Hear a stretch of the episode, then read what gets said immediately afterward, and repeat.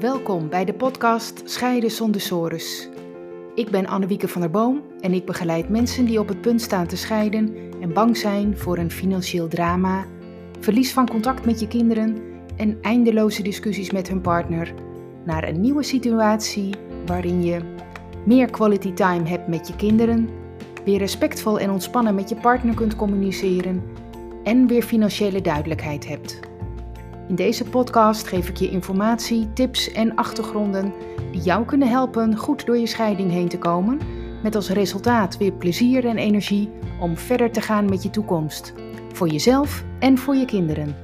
Dat is Scheiden zonder sores.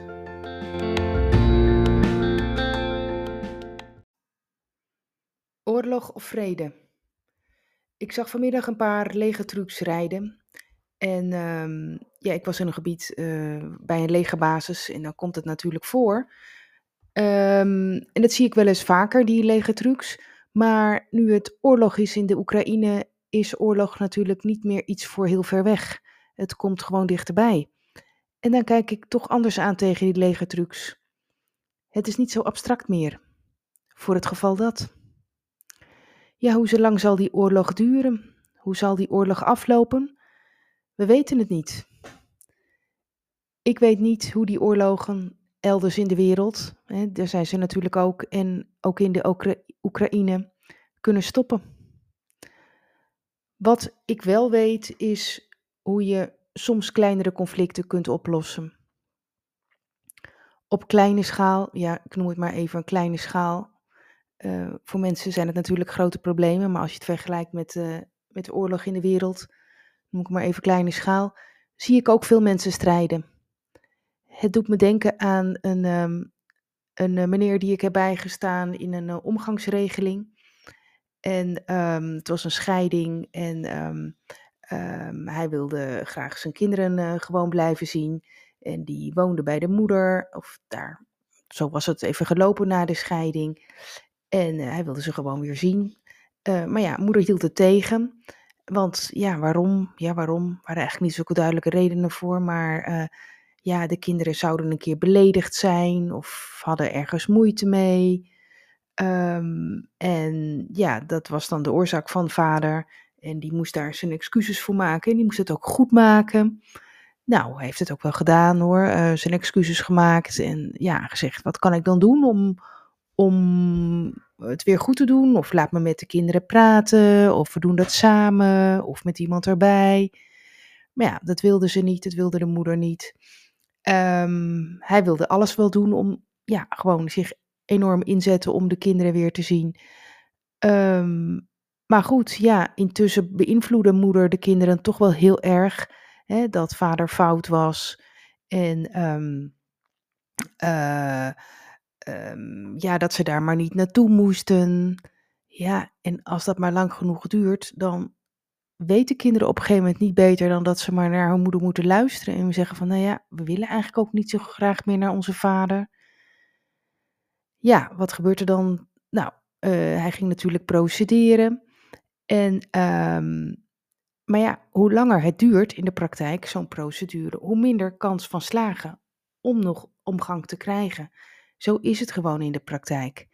Want dan zegt de rechter al snel, um, ja, de situatie bestaat nu al zo lang. De situatie dat de kinderen dus niet naar de vader gaan.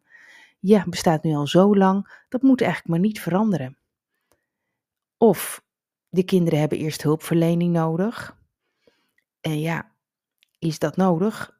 Eigenlijk zijn het de ouders die hulpverlening nodig hebben, hè? Ja, de kinderen zijn hier, hebben, de kinderen hebben geen probleem. Vaak is het dan eh, de moeder, ik doe, hè, ik doe even standaard eh, dat de moeder de kinderen niet bij de vader uh, wil houden, maar zo was het ook in deze situatie. Zegt moeder, ja, de kinderen hebben veel problemen en die moeten eerst naar de hulpverlening. Hè, maar dat is gewoon natuurlijk om tijd te rekken. En het is ook niet helemaal eerlijk, want de kinderen hebben geen probleem. Moet je die dan naar de hulpverlening sturen? Um, ja, of de rechter zegt ook wel, de ouders moeten eerst beter leren communiceren en daar een traject voor volgen.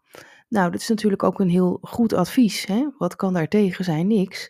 Maar in de praktijk is het zo dat dat gewoon heel lang duurt, zo'n traject. Vaak wel negen maanden. En de moeder kan dat ook best wel dwarsbomen door wel naar die gesprekken toe te gaan, maar door verder eigenlijk inhoudelijk niet zo mee te werken. En zo'n traject is er ook niet voor bedoeld om de omgang op gang te brengen. Dat is alleen om de communicatie te gaan verbeteren. En intussen gaan de kinderen dus niet naar de vader toe. Dus dan tikt die klok weer verder. En ja, intussen verstrijkt dus de tijd, weken, maanden, soms jaren. Ja, ik maakte ook mee dat um, een vader na ongeveer twee jaar, terwijl er nog een procedure bij de rechtbank liep, dat hij zei: Ik ga stoppen met procederen, laat het verder maar. Ik, ga, ik wil de strijd niet meer aangaan. De, de tijd moet verder zijn werk maar doen, dit heeft geen zin meer. Ik wacht wel tot de kinderen, als ze groter zijn en als ze wat ouder zijn, uit zichzelf weer contact met mij gaan opnemen. Ja, dat is een hele moedige beslissing. Aan de andere kant breekt mijn hart, want ja, je voelt aan alles, dit klopt toch niet? Het is toch voor de kinderen ook niet goed dat ze hun vader niet zien? Wil je dan niet alles doen om ze te zien? Maar ja, hij besefte ook wel heel goed dat zo'n um, procedure, um, dat daar gewoon niks uit zou komen, omdat moeder zo lang dwars bleef liggen en, dat, en daarin steeds ook maar uh, harder in werd eigenlijk.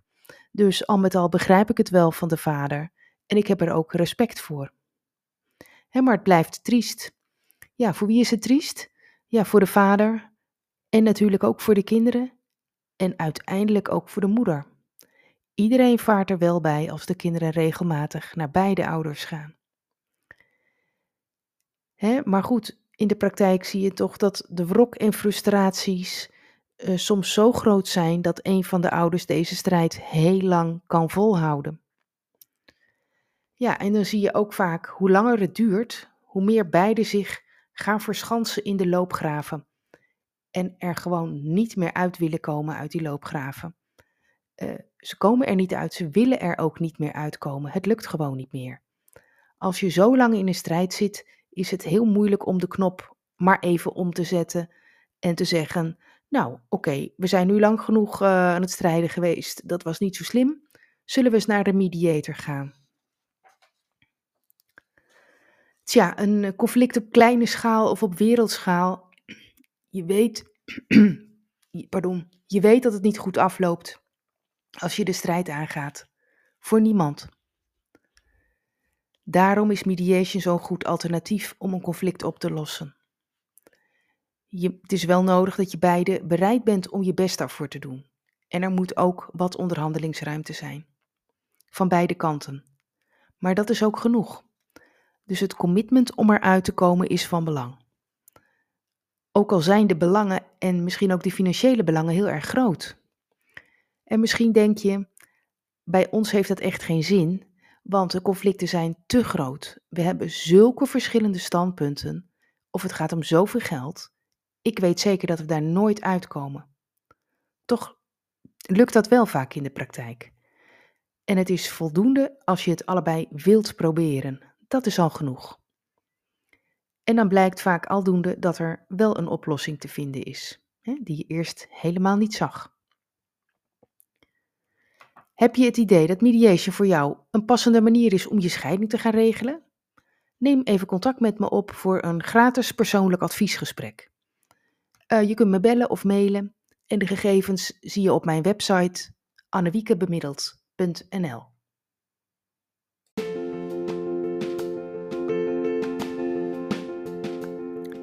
Leuk dat je hebt geluisterd naar deze aflevering. Ben je benieuwd naar meer? Abonneer je dan op deze podcast.